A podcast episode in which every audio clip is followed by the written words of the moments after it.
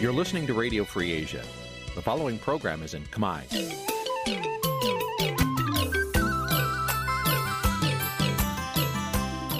Nǐ chi càm bi tiệp xáy vệt chiu a zì sê ray នេះជាកម្មវិធីផ្សាយរបស់ Vithu Azisari ជាភាសាខ្មែរ វត្តឈូអាស៊ីសេរីសូមស្វាគមន៍លោកអ្នកនាងទាំងអស់ពីរដ្ឋធានី Washington នៃសហរដ្ឋអាមេរិកបាទពីរដ្ឋធានីវ៉ាស៊ីនតោនខ្ញុំបាទសេកបណ្ឌិតសូមជម្រាបសួរអស់លោកអ្នកនាងកញ្ញាទាំងអស់ជាទីមេត្រីយើខ្ញុំសូមជូនកម្មវិធីផ្សាយសម្រាប់ព្រឹកថ្ងៃប្រហោះ4កើតខែសុចឆ្នាំថោះបញ្ញស័កពុទ្ធសករាជ2567ត្រូវនៅថ្ងៃទី8ខែវិច្ឆិកា គ្រិស្តសករាជ2023 បាទជាដំបូងនេះសូមអញ្ជើញអស់លោកអ្នកនាងស្ដាប់ព័ត៌មានប្រចាំថ្ងៃដែលមានមេតិការដូចតទៅ។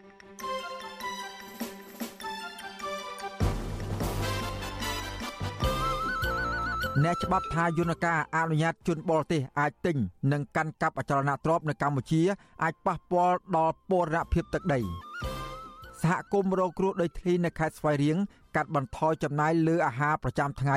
ដើម្បីទុកប្រាក់ផ្សំបំណុល អ្នកជំនាញថាគម្រោងប្រមូលពន្ធលើដីធ្លីមិនប្រើប្រាស់ទំហំចាប់ពី5ហិកតាឡើងទៅនិងអនុវត្តគ្មានតម្លាភាព។លោកហ៊ុនម៉ាណែតអំពាវនាវឲ្យគ្រឹះស្ថានមីក្រូហិរញ្ញវត្ថុសម្រួលការសងប្រាក់កម្ចីសម្រាប់ពលរដ្ឋរួមនឹងព័ត៌មានសំខាន់សំខាន់មួយចំនួនទៀត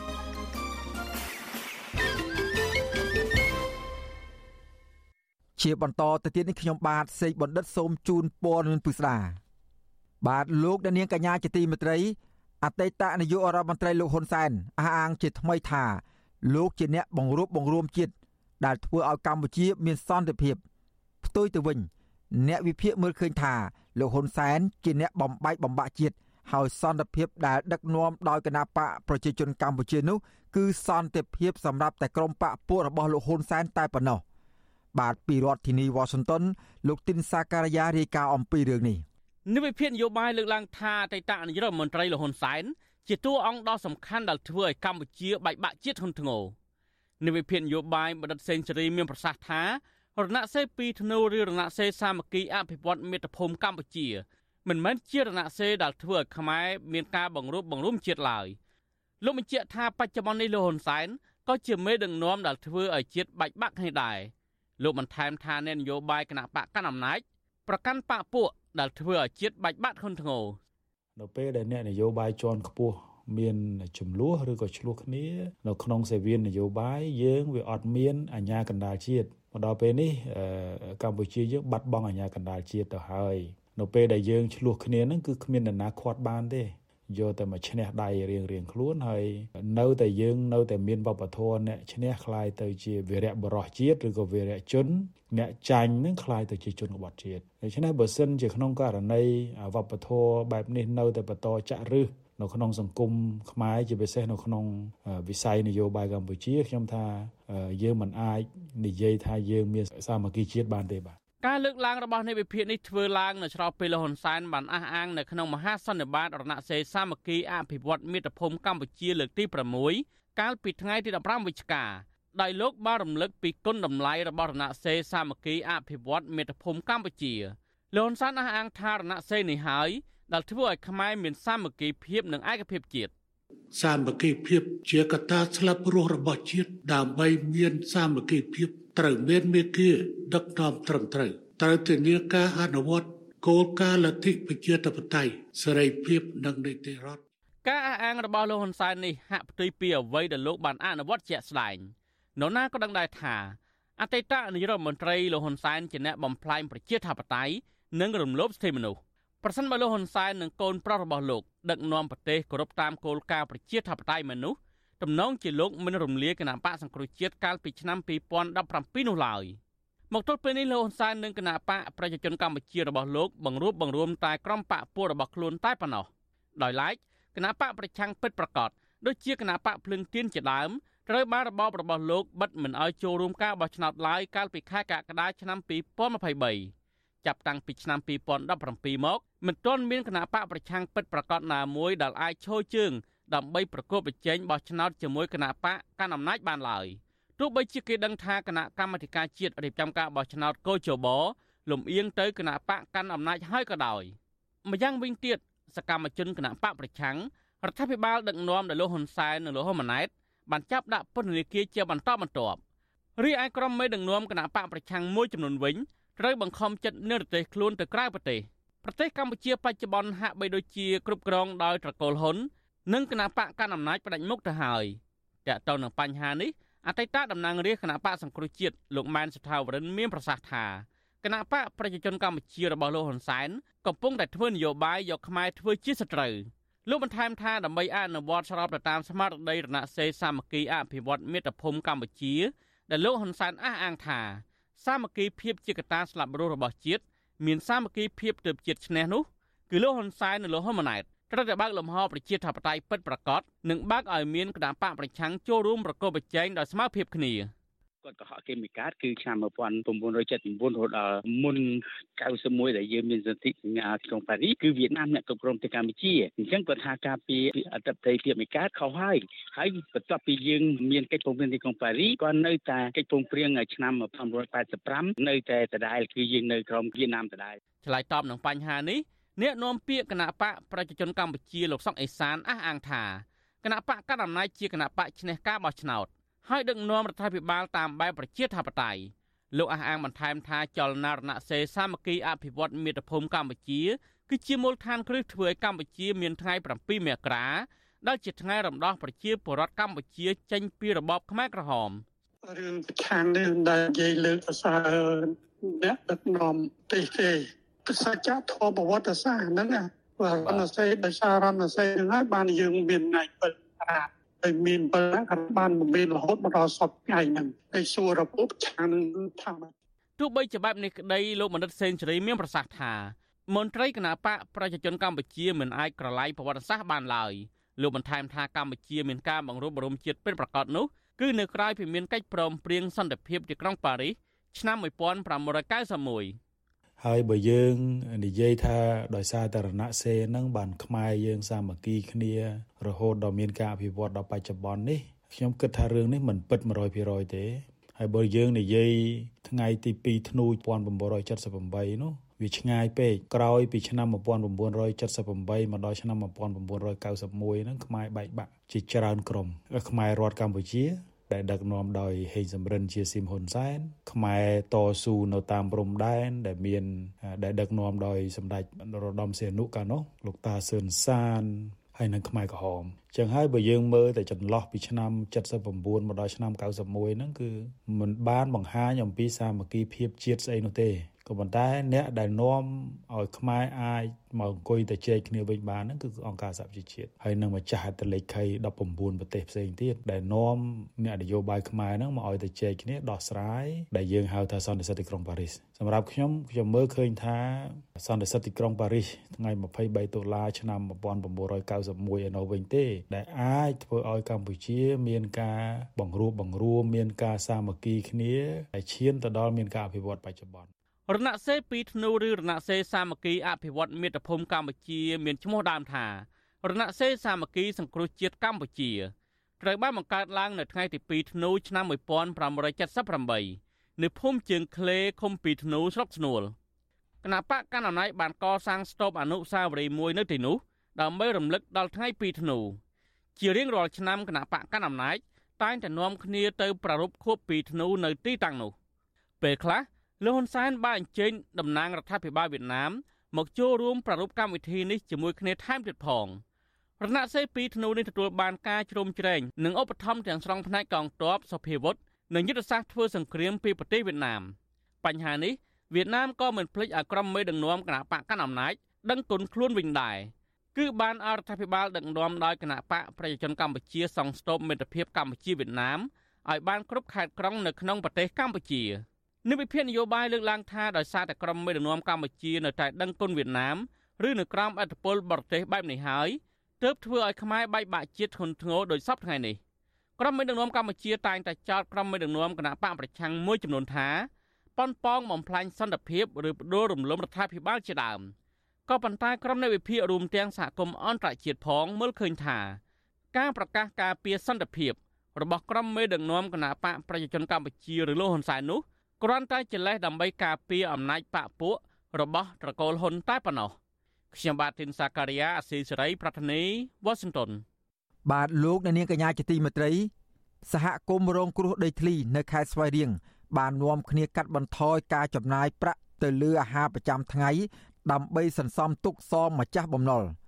មន្ត្រីសង្គមស៊ីវិលជំរុញឲ្យរដ្ឋាភិបាល មានវិធានការរោគដំណោះស្រាយជាបន្ទាន់ដើម្បីកុំឲ្យពលរដ្ឋរងទុក្ខកាន់តែខ្លាំងច្រើនជាងនេះទៅទៀតបាទលោកនាងនឹងបានស្ដាប់សេចក្តីរាយការណ៍ពិស្ដារអំពីរឿងនេះនាពេលបន្តិចទៀត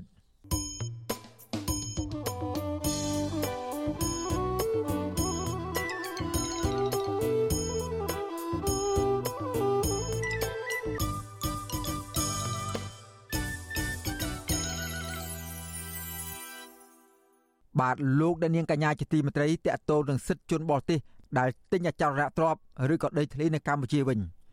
អ្នកច្បាប់និងសកម្មជនសម្ដែងការបារម្ភពីពរណភាពទឹកដី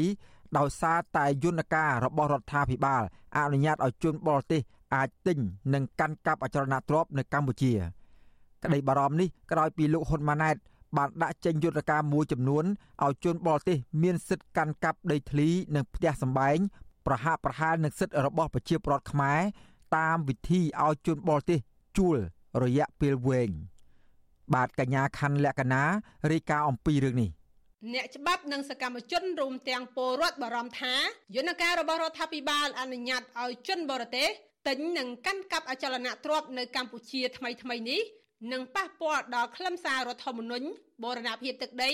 និងបង្កអសន្តិសុខសង្គមប្រទេសកម្ពុជានៅថ្ងៃអនាគត ការព្រួយបារម្ភនេះធ្វើឡើងបន្ទាប់ពីលោកនាយករដ្ឋមន្ត្រីហ៊ុនម៉ាណែតបានផ្ដល់យន្តការចំនួន3និងបានលើកអនុសាសន៍ផ្ដល់យន្តការមួយបន្ថែមទៀតដើម្បីបើកផ្លូវឲ្យជនបរទេសទិញនិងកាន់កាប់អចលនទ្រព្យនៅប្រទេសកម្ពុជាប្រហាក់ប្រហែល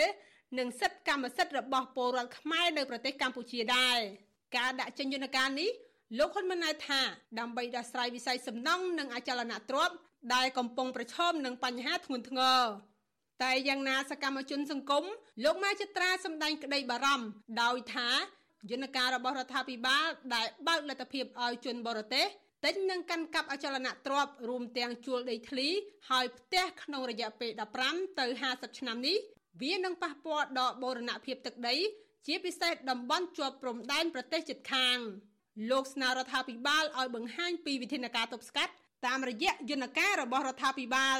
ខ្ញុំគិតថា វាមិនវាពុំដែលមានទេប្រវត្តិសាស្ត្រខ្មែរណាលក់ដីឲ្យបរទេសហើយទោះបីជាក្នុងតាមរយៈណាក៏ដោយតាមរយៈតំណាងអីក៏ដោយពាក្យថាលក់ឲ្យបរទេសមួយម៉ាត់គឺលក់ហើយมันគិតថាតំណាងឬមិនតំណាងទេណាអញ្ចឹងអានឹងវាពាក់ព័ន្ធនឹងបូរណភាពទឹកដីធ្ងន់ធ្ងរហើយវាផ្ទុយនឹងរដ្ឋធម្មនុញ្ញអញ្ចឹងសំណុំពររដ្ឋាភិបាលគិតគូសារឡើងវិញពីការលក់ឲ្យបរទេសនេះឬក៏ជួលក្នុងរយៈពេលវែងនេះបាទ ចំណែកពលរដ្ឋរស់នៅឃុំជួមស្រុកមេមត់ខេត្តត្បូងឃ្មុំលោកឆៃវិតយល់ថាយន្តការរបស់រដ្ឋាភិបាលនេះវាមិនបានចំណេញអ្វីដល់ប្រទេសជាតិទេផ្ទុយទៅវិញលោកថាជាការបើកឱកាសដល់ជនបរទេសមួយចំនួន ដែលមានមហិច្ឆតាឈ្លានពានខ្មែរទៅវិញទេលោកស្នើរដ្ឋាភិបាលអាណត្តិទី7ឲ្យពិចារណាឡើងវិញ ចំពោះការដាក់ចេញយន្តការនេះព្រោះលោកមើលឃើញថាកម្ពុជានៅមិនទាន់មានឯកភាពជាតិ ហើយការអនុវត្តច្បាប់ក៏នៅមិនទាន់មានប្រសិទ្ធភាពនៅឡើយខ្ញុំព្រួយបារម្ភណាស់ក្នុងនាមខ្ញុំជាប្រជាពលរដ្ឋម្នាក់ដែលនៅជាប់តាមបណ្ដោយព្រំដែននឹងខ្ញុំពិតជាមានការព្រួយបារម្ភណាស់ជាពិសេសគឺជនបរទេសវៀតណាមតែម្ដងខ្ញុំបារម្ភបារម្ភជាខ្លាំងព្រោះនៅតាមព្រំដែននេះខ្ញុំបានឃើញពលរដ្ឋវៀតណាមនឹងហូហែទៅហើយដែលបានមកជួល ជួលដីខ្មែរនឹងដាំអំពៅដាំដំឡូងជាហូហែដូចជានៅតំបន់ទន្លេចាមខាងឃុំជាំកវីនឃុំទលូងឃុំជាំអីនេះខ្ញុំឃើញមានហូហែទៅហើយតែយ៉ាងណាលោកនាយករដ្ឋមន្ត្រីហ៊ុនម៉ាណែតនៅថ្ងៃទី15វិច្ឆិកាបានចេញបកស្រាយដោយរក្សាអនុសាសន៍ដើមរបស់លោក ក្នុងការមិនកែរដ្ឋធម្មនុញ្ញដើម្បីបើកផ្លូវឲ្យជនបរទេស មានសិទ្ធិដោយផ្ទាល់ ក្នុងការទិញដីធ្លីនិងផ្ទះនៅប្រទេសកម្ពុជានោះទេលោកក៏បានបញ្ជាក់ដែរថាយន្តការបែបនេះរបស់លោកមិនធ្វើដើម្បីលក់ដីឲ្យជនបរទេសឡើយគឺខ្មែរនៅតែជាម្ចាស់កម្មសិទ្ធិដដែលហើយលោកក៏បានឆ្លៀតថ្លែងផ្លែផ្កាដល់ក្រុមអ្នករិះគន់ដែលសម្ដែងក្តីបារម្ភពីបូរណភាពទឹកដីខ្មែរថាបកស្រាយឆ្លៀតកេងចំណេញនយោបាយទោះបីជាលោកហ៊ុនម៉ាណែតចេញបកស្រាយយ៉ាងនេះក៏ដោយ ក៏លោកនៅតែអះអាងរក្សាយន្តការក្នុងការបើកឲ្យជនបរទេសមានលទ្ធភាពកាន់កាប់ដីធ្លីនិងផ្ទះនៅកម្ពុជាដដែល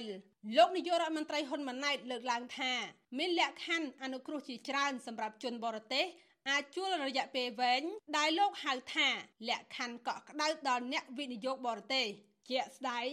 គឺលក្ខខណ្ឌទាំងអស់នេះហើយដែលអ្នកច្បាប់សកម្មជនដីធ្លីសកម្មជនព្រំដែន សម្ដែងក្តីបារម្ភយ៉ាងខ្លាំងខ្លាចប៉ះពាល់ដល់បូរណភាពទឹកដីប្រទេសកម្ពុជានៅថ្ងៃអនាគតគោលគំនិតមានការស្នើសុំបែបដើម្បីសម្រួលមិនមែនថាគោលគំនិតនេះដើម្បីក្បត់ជាតិលក់ដីឲ្យបរទេសមែនទេគឺដើម្បីជួយសម្រួលនៅក្នុងវិស័យដើម្បីសេដ្ឋកិច្ចបានដើរប៉ុន្តែរាជរដ្ឋាភិបាលមិនបានអនុវត្តហើយមិនចកក៏មិនគិតថាមានការចាំបាច់សម្រាប់ជួយស្រោចស្រង់វិស័យអចលនទ្រព្យដែរ ព្រោះវិស័យចលនាទ្រព្យយើងក្នុង20ឆ្នាំនេះបានរីកចម្រើនមកដល់ប៉ុណ្ណេះក៏មានរដ្ឋធម្មនុញ្ញយើងនៅមានលក្ខខណ្ឌហាមឃាត់នឹងដែរប៉ុន្តែយើងមានលក្ខខណ្ឌអនុគ្រោះជាច្រើនផ្ដល់ឱកាសជាច្រើនហើយចុងក្រោយនេះគឺអាការជួរយៈពេលវែងជុំវិញរឿងនេះអ្នកសិក្សាផ្នែកច្បាប់លោកវ៉ាន់ចាន់ឡូតប្រាប់វិសុវស៊ីសេរីនៅថ្ងៃទី15វិច្ឆិកាថាយន្តការដែលរដ្ឋាភិបាលដាក់ចេញបន្ថែមនេះវាហាក់ដូចជាអនុញ្ញាតឲ្យជនបរទេស មានសិទ្ធិពេញលេញក្នុងការទិញជួល និងគ្រប់គ្រងអចលនទ្រព្យនៅប្រទេសកម្ពុជាទៅហើយលោកថាចំពោះហេតុផលរបស់រដ្ឋាភិបាលដែលថាយន្តការនេះអាចស្ដារវិស័យអចលនទ្រព្យនិងវិស័យទេសចរនោះ វានៅមិនទាន់គ្រប់គ្រាន់នៅឡើយលោកវ៉ាន់ចាន់ឡូតយល់ថាយន្តការបន្ថែមរបស់រដ្ឋាភិបាល វានៅមិនទាន់សមស្របក្នុងកលៈទេសៈនេះនៅឡើយ ដោយសារតែប្រព័ន្ធនីតិរដ្ឋកម្ពុជានៅទន់ខ្សោយហើយការទប់ស្កាត់អំពើពុករលួយការគ្រប់គ្រងស្ថាប័នរដ្ឋនីមួយៗក៏នៅមិនទាន់មានប្រសិទ្ធភាពដែរលោកយល់ថាយន្តការនេះនឹងคล้ายទៅជាបញ្ហាប្រឈមនៅថ្ងៃអនាគតជាពិសេសអធិបតេយ្យភាពនិងការរំលោភសិទ្ធិមនុស្សពាក់ព័ន្ធនឹងរឿងដីធ្លីរដ្ឋាភិបាលគួរតែសម្លឹងមើលឲ្យជ្រៅហើយវែងឆ្ងាយដែលវាពាក់ព័ន្ធទៅនឹងវិស័យបញ្ហាអធិបតេយ្យភាពជាតិបាទ ហើយនឹងជាពិសេសតេតិនទៅនឹងការដែលឧក្រិដ្ឋជន អាចនឹងប្រើប្រាស់នៅរូបភាពនៃការវិនិយោគទៅលើវិស័យអចលនទ្រព្យឬក៏អីជាដើមដើម្បីជាការលាងលុយបាទហើយជាក់ស្ដែងទៅ យើងឃើញថាកម្ពុជាក៏មានការរិះគន់ច្រើនពីសហគមន៍អន្តរជាតិទៅលើបញ្ហានេះលោកនាយករដ្ឋមន្ត្រីហ៊ុនម៉ាណែតប្រកាសដាក់ចេញយន្តការទាំងនេះបន្ទាប់ពីមានសំណើរបស់ក្រុមអង្គការ ដែលជាម្ចាស់បុរីនៅកម្ពុជា ដោយលោកបញ្ជាក់ថាវិស័យសំណង់និងអចលនទ្រព្យកំពុងប្រឈមនឹងបញ្ហាធ្ងន់ធ្ងរនៅពេលបច្ចុប្បន្នខ្ញុំខណ្ឌលក្ខណាវិសុអេស៊ីសេរីបាទលោកនាងកញ្ញាជាទីមេត្រីចំណែកសេចក្តីរាយការណ៍ពាក់ព័ន្ធនឹងបំណុលរបស់ពលរដ្ឋដែលជំពាក់គ្រឹះស្ថានមីក្រូហិរញ្ញវត្ថុវិញ បាទលោកនាយករដ្ឋមន្ត្រីហ៊ុនម៉ាណែតអំពាវនាវដល់ធនាគារនិងគ្រឹះស្ថានមីក្រូហិរញ្ញវត្ថុឲ្យមានការយោគយល់ដល់អតិថិជន ដែលកំពុងរងគ្រោះគ្មានលទ្ធភាពសងបំណុលការអំពាវនាវនេះគឺនៅស្របពេលដែលប្រជាពលរដ្ឋមួយចំនួនប្រកាសអស់លទ្ធភាពសងបំណុលនិងអំពាវនាវឲ្យរដ្ឋាភិបាល ជួយអន្តរាគមន៍ពន្យាសងបំណុលរយៈពេល1ឆ្នាំ បាទលោកថាថៃ មានសេចក្តីរាយការណ៍អំពីរឿងនេះ លោកហ៊ុនម៉ាណែតដែលតែងតែប្រកាសបោបាច់ថារដ្ឋាភិបាលថ្មីរបស់លោកកំពុងធ្វើឲ្យប្រទេសរីកចម្រើននិងជួយបង្កើនប្រាក់ចំណូលសម្រាប់ប្រជាពលរដ្ឋនោះប៉ុន្តែនៅពេលនេះលោកបែរជាព្រួយបារម្ភអំពីការដួលរលំនៃសេដ្ឋកិច្ចទៅវិញក្នុងពិធីសម្ពោធស្ពានកោះនរីនារសៀលថ្ងៃទី15ខែវិច្ឆិកាលោកហ៊ុនម៉ាណែតលើកឡើងថារដ្ឋាភិបាលនិងធនាគារជាតិទើបតែបន្ធូរបន្ថយលក្ខខណ្ឌមួយចំនួន ដើម្បីជួយកាត់បន្ថយសម្ពាធដល់ធនាគារគ្រឹះស្ថានមីក្រូហិរញ្ញវត្ថុនិងក្រុមហ៊ុនក្នុងវិស័យមួយចំនួនរួមទាំងវិស័យអចលនទ្រព្យជាដើមដូច្នេះលោកអំពីវនីវឲ្យប្រតិបត្តិការវិស័យទាំងនេះជួយសម្រួលការលំបាករបស់អតិថិជន ដែលកំពុងរងគ្រោះក្នុងវិបត្តិសេដ្ឋកិច្ចនាពេលបច្ចុប្បន្នបើពុំនោះទេទាំងក្រុមហ៊ុននិងរដ្ឋាភិបាលនឹងជួបបញ្ហាធ្ងន់ធ្ងរបាទអតិថិជនមានបញ្ហាធនាគារឬក្រុមហ៊ុនដែលផ្ដល់កម្ចីក៏មានបញ្ហារដ្ឋាភិបាលក៏មានបញ្ហាអញ្ចឹងអ្វីដែលយើងបានផ្លាស់ អ្វីដែលយើងបានផ្ដល់ឲ្យគោលការណ៍នៅកាលពីថ្ងៃ13នោះគឺសង្ឃឹមថាប្រតិបត្តិការទាំងនៅក្នុងវិស័យធនាគារអចលនទ្រព្យក៏ដូចជាវិស័យផ្សេងផ្សេងដែលអាចបានផលនេះសូមធ្វើយ៉ាងណាគិតគូរវិធានការយ៉ាងណាដើម្បីជួយសម្រាលបន្តទៅដល់បងប្អូនប្រជាពលរដ្ឋទៅដល់អាជីវកម្មដែលជាអ្នកផ្សេងទៅដល់ប្រជាពលរដ្ឋដែលទិញផ្ទះទៅដល់ប្រជាពលរដ្ឋដែលត្រូវការកម្ចីផ្សេងជាងយើងជួយគ្នានៅក្នុងការលំបាកទោះពិតណាស់យើងត្រូវការប្រុងប្រយ័ត្នព្រោះមិនចង់ឲ្យអាលុំទាំងទាំងភ្នែនទេ ការប្រកាសរបស់លោកហ៊ុនម៉ាណែតនៅពេលនេះជាការឆ្លុះបញ្ចាំងឲ្យឃើញពីវិបត្តិសេដ្ឋកិច្ចកំពុងធ្លាក់ចុះដោយការត្អូញត្អែររបស់ប្រជាពលរដ្ឋកន្លងមកលើសពីនេះប្រជាពលរដ្ឋមួយចំនួនក៏ចាប់ផ្ដើមធ្វើយុទ្ធនាការបង្ហោះសារនៅលើបណ្ដាញសង្គមដោយលើកឡើងថាពួកគាត់អស់លទ្ធភាពសំបំណុលធនាគារហើយពួកគាត់ក៏ទទូចឲ្យរដ្ឋាភិបាលជួយអន្តរាគមន៍ទៅគ្រឹះស្ថានធនាគារនិងមីក្រូហិរញ្ញវត្ថុដើម្បីពន្យាពេលសងរយៈពេល1ឆ្នាំ អ្នកនាំពាក្យសមាគមមីក្រូហិរញ្ញវត្ថុកម្ពុជាលោកកាំងតុងងីថ្លែងប្រាប់វិទ្យុអាស៊ីសេរីថាគ្រឹះស្ថានធនាគារនិងមីក្រូហិរញ្ញវត្ថុនឹងពិនិត្យរៀបចំអនុទានឡើងវិញជូនអតិថិជនទៅតាមការប្រកាសរបស់រដ្ឋាភិបាលដោយដែលធ្លាប់ធ្វើកន្លងមកក្នុងពេលពលរដ្ឋរងគ្រោះពីវិបត្តិសកលជំងឺ Covid-19 ក៏ប៉ុន្តែលោកបញ្ជាក់ថាការរៀបចំអនុទានឡើងវិញនេះទាល់តែមានការស្នើសុំពីអតិថិជន និងផ្អែកទៅលើលក្ខខណ្ឌជាក់ស្ដែងរបស់អតិថិជននីមួយៗ ដោយសារតែប្រជាពលរដ្ឋគាត់ប្រឈមនឹងការបញ្ហាចំណូលឲ្យធ្លាក់ចុះខ្លាំងអីចឹងយើងនៅតែចាត់ចិត្តឲ្យប្រជាពលរដ្ឋនឹងស្នើសុំគឺការរៀបចំអនុទានឡើងវិញជាជាងការដែលគាត់ទៅខ្ចីពីឯកជនទៅរត់រកអ្នកនេះដែលធ្វើឲ្យបញ្ហាហ្នឹងកាន់តែរីកធំទៅ ចឹងដំណោះស្រាយពេលនេះគឺសូមឲ្យអតិជនហ្នឹងគាត់ដែលមានបញ្ហាប្រឈមហ្នឹងមានភាពស្មោះត្រង់ក្លាហាននិយាយជាមួយនឹងគ្រឹះស្ថានទៅដើម្បីស្នើសុំរៀបចំអន្តរឡើងវិញក្នុងករណីដែរគ្រឹះស្ថានហ្នឹងគាត់មិនព្រមរៀបចំជូនទេវាមានបញ្ហាមួយដែលអតិជនគាត់អត់សុខចិត្តគាត់អាចធ្វើការប្តឹងតវ៉ាមកសមាគមធនាគារឬក៏សមាគមមីក្រូអន្តរកម្ពុជាហ្នឹងតាមរយៈលេខ hotline យើង015 365 222លោកកាំងតុងងីឲ្យដឹងថាដោយសារស្ថានភាពសេដ្ឋកិច្ចធ្លាក់ចុះបច្ចុប្បន្ននេះ បានធ្វើឲ្យកំណើនអនុទានដែលប្រឈមហានិភ័យឬអនុទានដែលអតិថិជនសងយឺតលើសពី30ថ្ងៃបានកើនឡើងជាង5%ដែលជាកម្រិតមួយមិនធ្លាប់ជួបប្រទះពីមុនមកប្រជាពលរដ្ឋមួយចំនួនតែងតែត្អូញត្អែថាវិស័យសេដ្ឋកិច្ចសំខាន់សំខាន់បានដាំក្បាលចុះដូចជាវិស័យទេសចរនិងវិស័យកាត់ដេរជាដើមដែលជាហេតុធ្វើឲ្យប្រជាពលរដ្ឋមួយចំនួនគ្មានលទ្ធភាពរកប្រាក់ចំណូលសម្រាប់សងធនាគារនិងបង់រំលោះផ្ទះ រហូតក្រុមហ៊ុនអចលនទ្រព្យមួយចំនួនរឹបអូសផ្ទះពីពួកគាត់ទៅវិញជាដើមអ្នកខ្លាំមើលយល់ថាការធ្លាក់ចុះសេដ្ឋកិច្ចនេះមិនមែនបណ្ដាលមកពីវិបត្តិអន្តរជាតិទាំងស្រុងនោះទេប៉ុន្តែដោយសាររដ្ឋាភិបាលលោកហ៊ុនម៉ាណែតមិនបើកលំហប្រជាធិបតេយ្យនិងការគោរពសិទ្ធិមនុស្សដើម្បីពង្រីកទំនាក់ទំនងសេដ្ឋកិច្ចពាណិជ្ជកម្មជាមួយប្រទេសលោកសេរីព្រមទាំងគ្មានចំណាត់ការជាក់លាក់លុបលាងគេឈ្មោះអាក្រក់រឿងជួញដូរមនុស្សជាដើម ទោះជាយ៉ាងណានាយកទទួលបន្ទុកកិច្ចការទូតនៃអង្គការលីកាដូលោកអំសំអាតមានប្រសាសន៍ថាការប្រកាសរបស់ប្រមុខរដ្ឋាភិបាលនៅពេលនេះគឺជារឿងល្អមួយដើម្បីជួយសម្រួលការលំបាករបស់ប្រជាពលរដ្ឋក៏ប៉ុន្តែលោកជំរុញឲ្យធនាគារនិងគ្រឹះស្ថានមីក្រូហិរញ្ញវត្ថុជួយរៀបចំអនុទានឡើងវិញដោយមានការអនុគ្រោះពិតប្រាកដសម្រាប់អតិថិជនព្រោះកន្លងមកគ្រឹះស្ថានផ្ដល់ប្រាក់កម្ចីទាំងនោះមិនមានការខាតបង់អ្វីឡើយ យើងឃើញដូចជាមានពាក្យមកពីប្រទេសជិតខាងយើងដូចថៃអីរដ្ឋាភិបាលគេឡើងថ្មីទាក់ទងនឹងការផ្អាកសងបំណុលមួយឆ្នាំអីចឹងទៅវាធ្វើឲ្យមានការចង់បានដូចគ្នាប៉ុន្តែតែយើងជាអង្គការសង្គមស៊ីវិលយើងចង់ថាឲ្យរដ្ឋាភិបាលនិងមីក្រូហិរញ្ញវត្ថុហ្នឹងឬក៏ធនាគារជាតិហ្នឹងគួរតែសិក្សាឲ្យពិនិត្យទៅលើលទ្ធភាពក្នុងការអនុគ្រោះសម្រាប់គោលបំណុលហ្នឹងយ៉ាងម៉េច ដើម្បីឲ្យវាមានលទ្ធភាពដើម្បីកុំឲ្យពួកគាត់ហ្នឹងប្រឈមនឹងការបាត់បង់ដីធ្លីឬក៏ផ្ទះសម្បែងក្នុងការលក់ដើម្បីសងអីចឹងណាកាលពីខែសីហាកន្លងទៅអង្គការលីកាដូនិងអង្គការសមត្ថៈកម្ពុជាបានចេញរបាយការណ៍សិក្សារួមគ្នាមួយរកឃើញថាពលរដ្ឋរាប់ម៉ឺនគ្រួសារនៅខេត្តកំពង់ស្ពឺរងផលប៉ះពាល់ធ្ងន់ធ្ងរដោយសារបំណុលក្នុងនោះរួមមានការលក់ដីទាំងបង្ខំការកាត់បន្ថយម្ហូបអាហារ និងកុមាររាប់ពាន់នាក់បានបោះបង់ការសិក្សា របាយការណ៍សិក្សាកម្រាស់35ទំព័របង្ហាញថាពលរដ្ឋនៅក្នុងខេត្តនេះលើសពី80%ជំពាក់បំណុលធនាគារយ៉ាងតិចមួយស្ថាប័ន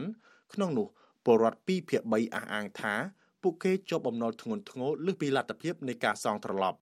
អង្គការទាំងពីរក៏បានកំណត់ចំណុចហានិភ័យមួយចំនួនដូចជាពលរដ្ឋជាង28000គ្រួសារបន្ថយម្ហូបអាហារនិងកុមារជិត9000នាក់ បោះបង់ការសិក្សាដើម្បីធ្វើការរកប្រាក់សងបំណុលគ្រួសារថ្មីត្បិតតែរបាយការណ៍នេះសិក្សាតែលើខេត្តកំពង់ស្ពឺមួយក្តីប៉ុន្តែអ្នកខ្លាំមើលសង្កេតឃើញថាពលរដ្ឋនៅខេត្តផ្សេងទៀតក៏មានស្ថានភាពមិនខុសគ្នាដែរខ្ញុំថាថៃពីទីក្រុងមែលប៊នបាទលោកអ្នកនាងកញ្ញាជាទីមេត្រីពាក់ព័ន្ធនឹងការបងពុនលើអចលនទ្រព្យវិញរដ្ឋាភិបាលគ្រោងចាប់ផ្ដើមប្រមូលពន្ធលើដីធ្លីមិនប្រើប្រាស់ដែលមានទំហំចាប់ពី5ហិកតាឡើងទៅ នៅដើមឆ្នាំ2025ដើម្បីទប់ស្កាត់ការទិញដីទុកចោលមិនប្រើប្រាស់ប៉ុន្តែអ្នកជំនាញខាងសេដ្ឋកិច្ចនិងមន្ត្រីសង្គមស៊ីវិលមើលឃើញថារដ្ឋាភិបាលនឹងមិនអាចអនុវត្តការប្រមូលពន្ធនេះប្រកបដោយតម្លាភាពនោះឡើយបាទពីរដ្ឋធានីវ៉ាស៊ីនតោនអ្នកស្រីស្ងួនអមរារាយការណ៍អំពីរឿងនេះ។មន្ត្រីសង្គមស៊ីវិលនិងមន្ត្រីបកប្រឆាំងលើកឡើងថាអ្នកដែលមានដីធ្លីលើសពី5ហិកតាឡើងទៅមិនប្រើប្រាស់ និងអ្នកដែលមានលទ្ធភាពទិញដីទុកចោលដើម្បីលក់យកចំណេញនៅពេលក្រោយភ្នាក់ច្រើនជាសារស្រឡាយឬសមាជិកក្រុមគ្រួសារអ្នកមានអំណាចនិងមន្ត្រីធំធំនិងមិនមែនជាក្រុមពលរដ្ឋកសិករនិងកម្មករធម្មតាឡើយនាយករដ្ឋមន្ត្រីលោកហ៊ុនម៉ាណែតប្រកាសនៅថ្ងៃទី13វិច្ឆិកាថាចាប់ពីដើមឆ្នាំ2025ទៅរដ្ឋាភិបាលនឹងចាប់ផ្ដើមយកពន្ធលើដីធ្លីមិនប្រើប្រាស់ដែលមានទំហំ5ហិកតាឡើងទៅ ដើម្បីជំរុញការប្រើប្រាស់ដីសម្រាប់បម្រើដល់ផលប្រយោជន៍សេដ្ឋកិច្ចនិងទប់ស្កាត់ការទិញដីទុកចោលដែលមានទំហំធំតែឥឡូវយើងគិតកុំអោយពិបាកនៅក្នុងការគិតតែផ្ទះប្រមាណអីប្រមាណ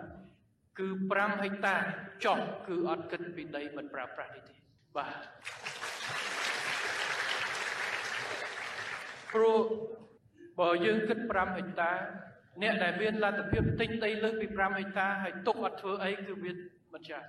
បាទអញ្ចឹងប្រជាពលរដ្ឋភាគច្រើនគឺអាចរួចហើយចំពោះដីដែលលើសពី5ហិកតាយើងនឹងមានលក្ខខណ្ឌមួយចំនួនទៀត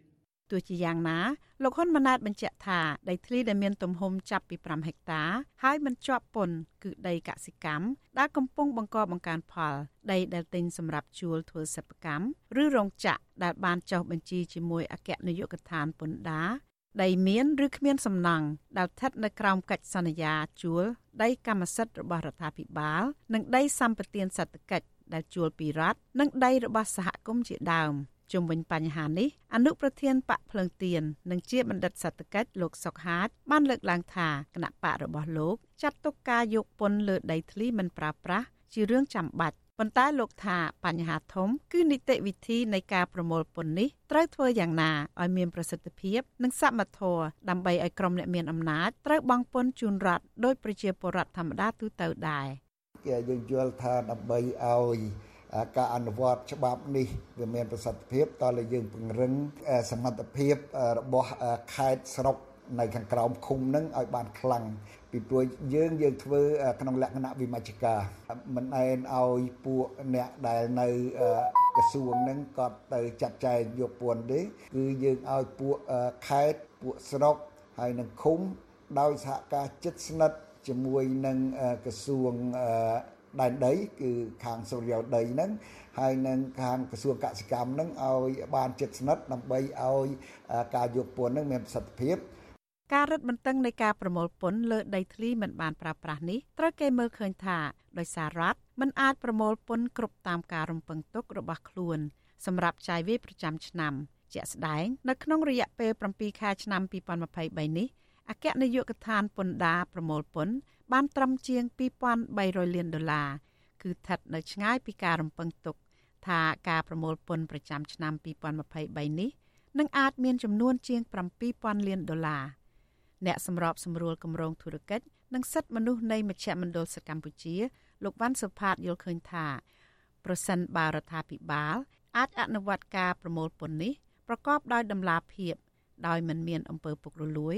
និងគប់កិតគ្នារវាងមន្ត្រីនិងអ្នកមានអំណាចនោះជារឿងល្អមួយប៉ុន្តែលោកវ៉ាន់សុផាត មានសង្ឃឹមតិចតួចប៉ុណ្ណោះដោយសារលោកបញ្ជាក់ថាកន្លងមករដ្ឋាភិបាលពុំបានអនុវត្តបានត្រឹមត្រូវតាមគោលការណ៍ឡើយ ជាក់ស្ដែងដោយរឿងក្រុមហ៊ុនវិនិយោគមួយចំនួនដែលមិនបានដាំដុះលើដីសម្បត្តិសេដ្ឋកិច្ចហើយទុកដីទាំងនោះឲ្យទំនេរចោលគឺមន្ត្រីជំនាញពុំបានផាកពិន័យឬដកហូតយកដីទាំងនោះមកវិញឡើយ។បាទពីព្រោះអីក្នុងសង្គមយើងបច្ចុប្បន្នគឺថាការអនុវត្តច្បាប់ហ្នឹងគឺថាវាហាក់បីដូចជាចែកទៅជាពីរអញ្ចឹងបាទ ចំពោះអ្នកប្រជាពលរដ្ឋសាមញ្ញធម្មតាហ្នឹងគឺថាអាហ្នឹងដាក់រឹតបន្តឹងថាមិនគឺចឹងឲ្យមានតែធ្វើលើប៉ុន្តែចំពោះអ្នកដែលមានអំណាចណាអ្នកមានឥទ្ធិពលក្រុមហ៊ុនធំធំអីហ្នឹងគឺថាច្រើនតែមានការមិនមែនថាលើកលែងទេប៉ុន្តែថាមានការចាក់ទៅបាទអនុវត្តទៅវាអត់បានមានប្រសិទ្ធភាពណាអ្នកតាមដានបញ្ហាសង្គមមើលឃើញថាពលរដ្ឋបច្ចុប្បន្នហាក់មិនមានទឹកចិត្តបង់ពន្ធជូនរដ្ឋដោយរីករាយឡើយដោយសារតែសម្បូរអំពើពុករលួយ ពួកគេថាកន្លងទៅ មន្ត្រីប្រមូលពន្ធខ្លះបានគៀបសង្កត់ពលរដ្ឋជាម្ចាស់ផ្ទះសម្បែងឲ្យបង់ពន្ធខុសពីគោលការណ៍ច្បាប់ដែលបានកំណត់ដើម្បីទទួលបានផលប្រយោជន៍សម្រាប់បកពួកខ្លួននាងខ្ញុំស្គុនអមរា Vithu Azisari ពីរដ្ឋធានី Washington បាទលោកនាងកញ្ញាជាទីមេត្រីចំពោះសេចក្តីរាយការណ៍ពាក់ព័ន្ធនឹងស្ថានភាពសកម្មជនរបស់គណៈបកប្រឆាំងដែលកំពុងជាប់ពន្ធនាគារនៅវិញ សាច់ញាតិប្រធានប្រតិបត្តិគណៈបកភ្លើងទៀនក្រុងប៉ោយប៉ែតលោកចៅវាសនា កាលពីថ្ងៃទី14វិច្ឆិកាចូលទៅជួបដើម្បីសួរសុខទុក្ខលោកនៅពន្ធនាគារព្រៃសរកូនស្រីលោកចៅវាសនា គឺអ្នកស្រីចៅរតនៈប្រាប់បទសុអសីសេរី នៅថ្ងៃទី15ខែវិច្ឆិកាថាអ្នកស្រីបានទៅសួរសុខទុក្ខលោកចៅវាសនានៅពន្ធនាគារព្រៃសរក្នុងរាជធានីភ្នំពេញអ្នកស្រីបន្ថែមថាមកទល់នឹងពេលនេះ សុខភាពទូទៅរបស់លោកចៅវាសនាបានធូរស្រាលហើយប៉ុន្តែបញ្ហាភ្នែកនៅពុំទាន់ធូរស្រាលនៅឡើយទេខ្ញុំក៏មានបំណងថាបើសិនជាខាងមន្ត្រីពន្ធនាគារអាចអនុញ្ញាតឲ្យគាត់ព្យាបាលនៅក្រៅឃុំវាអាចប្រសើរជាងកុំឲ្យគាត់មានបញ្ហាដល់គាត់ធ្ងន់យើងជាចេញទៅព្យាបាលធ្វើឲ្យវាខកខានក្នុងឱកាសព្យាបាលច្រើនទៅកាន់គាត់អញ្ចឹងណាបង ប្រធានប្រតិបត្តិគណៈបកភ្លើងទៀនក្រុងប៉ោយប៉ែតលោកចៅវាសនា មានដើមកំណត់ខ្មែរកម្ពុជាក្រោមត្រូវបានតុលាការខេត្តបន្ទាយមានជ័យចោទប្រកាន់ពីបទញុះញង់ឲ្យប្រព្រឹត្តបទឧក្រិដ្ឋជាអាតនិងញុះញង់ឲ្យមានការរើសអើងពាក់ព័ន្ធនឹងរឿងធ្វើយុទ្ធនាការឲ្យពលរដ្ឋគូសខ្វែងស្លឹកឆ្នោតកាលពីថ្ងៃទី23ខែកក្កដាឆ្នាំ2023ប៉ុន្តែលោកចៅវាសនាបានច្រានចោលការចោទប្រកាន់នេះ លោកចៅវាសនាធ្លាប់ត្រូវបានតុលាការខេត្តបន្ទាយមានជ័យកាត់ទោសឲ្យជាប់ពន្ធនាគារម្ដងរួចមកហើយអំពីបទញុះញង់និងបានចេញពីពន្ធនាគារមកវិញកាលពីដើមឆ្នាំ2022បន្ទាប់ពីលោកបានអនុវត្តទោសគ្រប់ចំនួនរយៈពេល5ឆ្នាំពេញក្នុងពន្ធនាគារ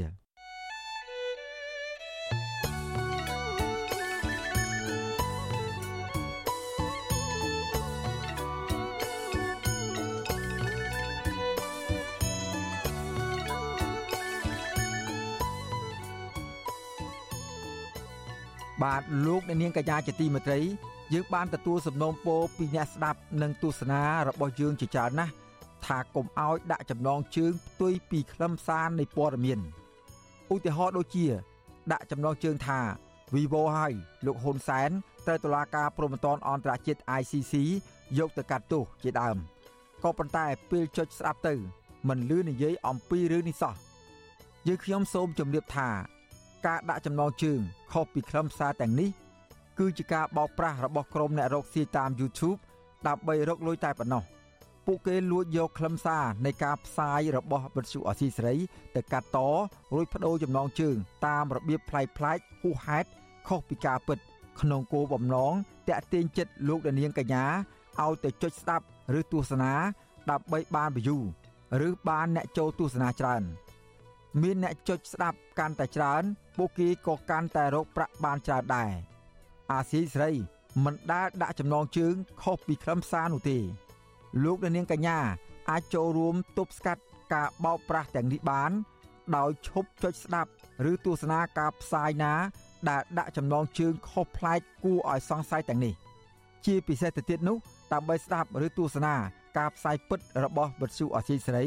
សូមលោកនាង ចូលទៅកាន់ Channel របស់អាស៊ីសេរីតែម្ដង ដែលមានអាសយដ្ឋាន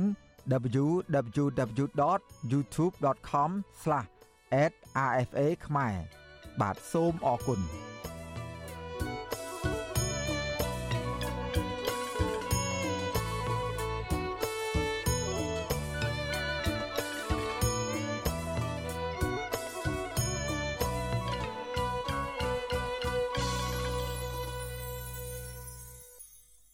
បាទលោកអ្នកនាងកញ្ញាជាទីមេត្រីប្រជាពលរដ្ឋដែលមានមុខរបរជាអ្នកដាំកៅស៊ូបានត្អូញត្អែពីផលលំបាកនិងខាតបង់ក្នុងមុខរបរដាំដំណាំកៅស៊ូនេះដោយសារតែវិបត្តិបញ្ហាទីផ្សារដែលធ្វើឲ្យទិន្នផលកៅស៊ូដែលផលិតបានហើយមានភាពមិននឹងណក្នុងការលក់ចេញហើយតម្លៃពឹងផ្អែកទៅលើឈ្មោះជាអ្នកកំណត់ចំណែករដ្ឋាភិបាលក៏មិនទាន់មានយន្តការច្បាស់លាស់ក្នុងការជួយដល់ពលរដ្ឋដែលមានមុខរបរដាំកស៊ូ តាក់ទងទៅលើបញ្ហាទីផ្សារនិងបច្ចេកទេសក្នុងការដាំដុះជាដើមកសិករដាំដំណាំកៅស៊ូចង់ឃើញរដ្ឋាភិបាល ស្វែងរកទីផ្សារនាំចេញកៅស៊ូទៅលក់នៅក្រៅប្រទេស និងកំណត់តម្លៃទីផ្សារក្នុងតម្លៃសមរម្យមួយឲ្យបានជាក់លាក់ជាជាងប្រកាសថាជួយជ្រោមជ្រែងកសិករប៉ុន្តែការអនុវត្តជាក់ស្ដែងរបស់រដ្ឋាភិបាលគ្មានប្រសិទ្ធភាពតំណាងសហគមន៍កសិកម្មដំណាំកៅស៊ូស្រុកមេមត់ខេត្តត្បូងឃ្មុំ លោកស្រីសុកឡនប្រាប់វិទ្យុអសីសេរី នៅថ្ងៃទី15វិច្ឆិកាថាកសិករដាំកៅស៊ូភ ieck ច្រើន កំពុងជួបបញ្ហាវិបត្តិសេដ្ឋកិច្ចត្បិតពួកគាត់ខ្លះខ្ចីបុលពីធនាគារយកមកធ្វើដើមទុននៅក្នុងការថែទាំដំណាំកៅស៊ូលោកស្រីបញ្ជាក់ថា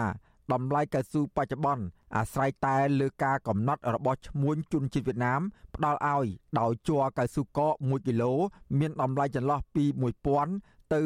1500រៀលតែប៉ុណ្ណោះលោកស្រីសុកឡនចង់ឲ្យរដ្ឋាភិបាលរកទីផ្សារនាំចេញជ័រកៅស៊ូទៅលក់នៅក្រៅប្រទេសឲ្យបានទូលំទូលាយនិងកំណត់តម្លៃកៅស៊ូនាំចេញទៅបរទេសក្នុងតម្លៃប្រមាណ3000រៀលនៃជ័រកៅស៊ូ1គីឡូដើម្បីអាចជួយលើកកម្ពស់ជីវភាពរស់នៅរបស់ប្រជាកសិករឲ្យបានសមរម្យបាច់ចាំទៀមទាអីច្រើនទេកុំតែ 3500ក៏ខ្ញុំអាចមានសង្ឃឹមរស់ដែរប្រជាពលរដ្ឋទាំងអស់ទាំងគេទាំងខ្ញុំទឹកឆ្នាំបាញ់វាមិនរួចថ្លៃផងហើយទៅពេលអញ្ចឹងប្រជាពលរដ្ឋខាងត្បូងឃ្មុំទៅបាក់ទុកចិត្តទាំងគេទាំងខ្ញុំមកឲ្យប៉ុនធ្វើម៉េចបើយើងមិនធ្វើបានអីបងគេអញ្ចឹងខ្ញុំសូមរដ្ឋាភិបាលលោកហ៊ុនម៉ាណែតថ្មីសូមគាត់ទំនួលខុសត្រូវជួយប្រជាពលរដ្ឋឲ្យបានគាត់និយាយឲ្យឲ្យជាពលរដ្ឋហ្នឹងឲ្យចំណឺដែលថាឃើញគាត់នយោបាយទុនហ្នឹងកងប្រាជាមួយគេអ្នកទិញហ្នឹងឲ្យច្បាស់មកកុំឲ្យខាងកងប្រាគេផងហ្នឹងចង់គេទិញមក1500ក៏បានចង់គេទិញ2000ក៏បានស្វែងយូនឲ្យហ្នឹងហើយទៅពេលអញ្ចឹងយើងសង្ឃឹមស្អីស្រដៀងគ្នានេះដែរកសិករដាំកៅស៊ូនៅក្នុងស្រុកបៃមុតលោកច័ន្ទធីអស់សង្ឃឹមនឹងរដ្ឋាភិបាលដែលគ្មានសមត្ថភាពដោះស្រាយបញ្ហាទីផ្សារនាំចេញកៅស៊ូជូនកសិករលោកច័ន្ទធីដែលមានផ្ទៃដីដាំកៅស៊ូប្រមាណ3ហិកតា ហើយលោកបានប្រកបមុខរបរនេះជិត10ឆ្នាំមកហើយលោកបញ្ជាក់ថាមកទល់នឹងពេលនេះ លោកបណ្ដាលឃើញមានមន្ត្រីជំនាញនៃស្ថាប័នណាមួយចុះជួយពង្រឹងសមត្ថភាពបច្ចេកទេស និងឧបត្ថម្ភថ្នាំបំពន់ឬសម្ភារៈថែទាំកស៊ូដល់កសិករនោះទេ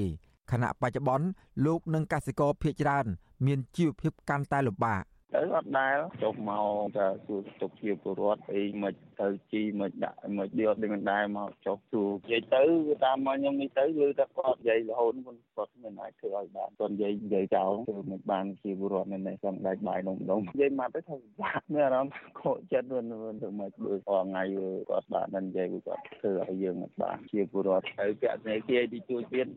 សឹងនឹងដែរបាយដុំដុំការត្អូញត្អែរបស់កសិករបែបនេះធ្វើឡើងបន្ទាប់ពីលោកនាយករដ្ឋមន្ត្រីហ៊ុនម៉ាណែតអះអាងកាលពីថ្ងៃទី13ខែវិច្ឆិកាក្នុងវេទិការវាងរដ្ឋាភិបាលនិងផ្នែកឯកជន លើកទី19ថាក្រុមហ៊ុនផលិតឧស្សាហកម្ម Happy Vanry Medical Device គ្រោងបោះទុនវិនិយោគក្នុងទឹកប្រាក់ប្រមាណ500លានដុល្លារ ដើម្បីបង្កើតរោងចក្រផលិតកែច្នៃជ័រកៅស៊ូនៅកម្ពុជាយើងចង់ជំរុញកសិកម្មនេះថ្ងៃក្រោយមិនមែននាំចេញវត្ថុធាតុដើមយើងចង់បានផលិតផលសម្រេចហើយនេះគឺជាការវិវត្តទោះជាបែបនេះក្តីតំណាងសហគមន៍លោកស្រីសុកឡនរិះគន់ថារដ្ឋាភិបាលតែងតែឃោសនាថាជួយជ្រោមជ្រែងកសិករប៉ុន្តែការអនុវត្តជាក់ស្ដែងគ្មានប្រសិទ្ធភាពត្បិតកសិករនៅតែគ្មានទីផ្សារនាំចេញកៅស៊ូ វិទ្យុអស៊ីសេរីនៅពុំទាន់អាចតាក់ទងแนะនាំពាក្យក្រសួងកសិកម្មកញ្ញាអឹមរចនាដើម្បីសាកសួរជុំវិញរឿងនេះបាននៅឡើយទេនៅថ្ងៃទី15ខែវិច្ឆិកាប៉ុន្តែកាលពីដើមខែមិថុនារដ្ឋមន្ត្រីក្រសួងកសិកម្មលោកដិតទីណាជំរុញឲ្យវិទ្យាស្ថានស្រាវជ្រាវនិងអភិវឌ្ឍកសិកម្មកម្ពុជាហៅកាត់ថាខាឌីត្រូវផ្ដល់ពូជថ្មី និងបំបើដំណាំកៅស៊ូឲ្យមានប្រសិទ្ធភាពនិងការពារតំបន់ដំណាំកៅស៊ូបច្ចេកទេស នឹងការឆ្លើយតបនឹងបញ្ហាអាកាសធាតុនិងជួសជុលកៅស៊ូជូនកសិករជុំវិញរឿងនេះអ្នកជំនាញផ្នែកវិស័យកសិកម្មលោកនេះណាក់លើកឡើងថាកសិករភ ieck ច្រើនប្រឈមបញ្ហាជីវភាព និងបាក់ទឹកចិត្តដោយសារតែរដ្ឋាភិបាលនិងក្រសួងស្ថាប័នរដ្ឋមួយចំនួនអសមត្ថភាពក្នុងការស្វែងរកទីផ្សារនាំចេញផលិតផលលោកសង្កត់ធ្ងន់ថា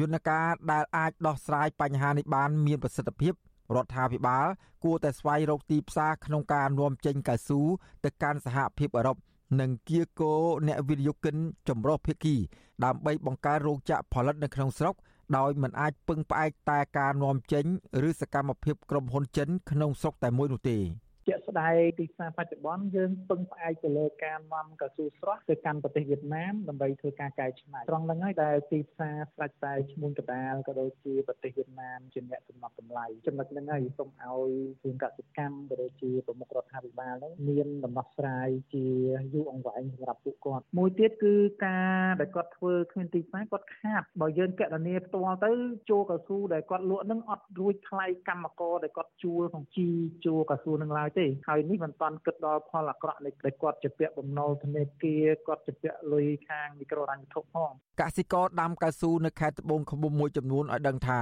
ប្រសិនបើតម្លៃកៅស៊ូថោកនិងគ្មានទីផ្សារនាំចេញពួកគាត់នឹងដាក់ដីចំការលក់ឬជួលទៅឲ្យពលរដ្ឋផ្សេងដើម្បីចំណាក់ស្រុកទៅរកការងារធ្វើនៅក្រៅប្រទេសរកចំណូលសងបំណុលធនាគារដែលបានខ្ចីលុយយកមកធ្វើដើមទុនថែទាំកៅស៊ូកន្លងមក